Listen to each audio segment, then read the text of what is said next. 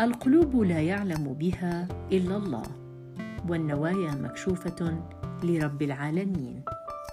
قد نخطئ نحن بتفسير نوايانا فكيف لنا أن نسبر أغوار نوايا الآخرين؟ قد يبدو لك أحدهم بخيلا وهو يملأ العالم صدقات وأنت لا تعلم.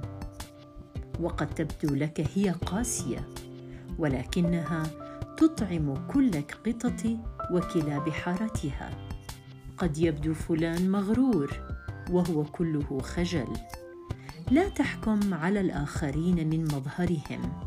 فكم من مظهر أخفى تحته الكثير من الأسرار.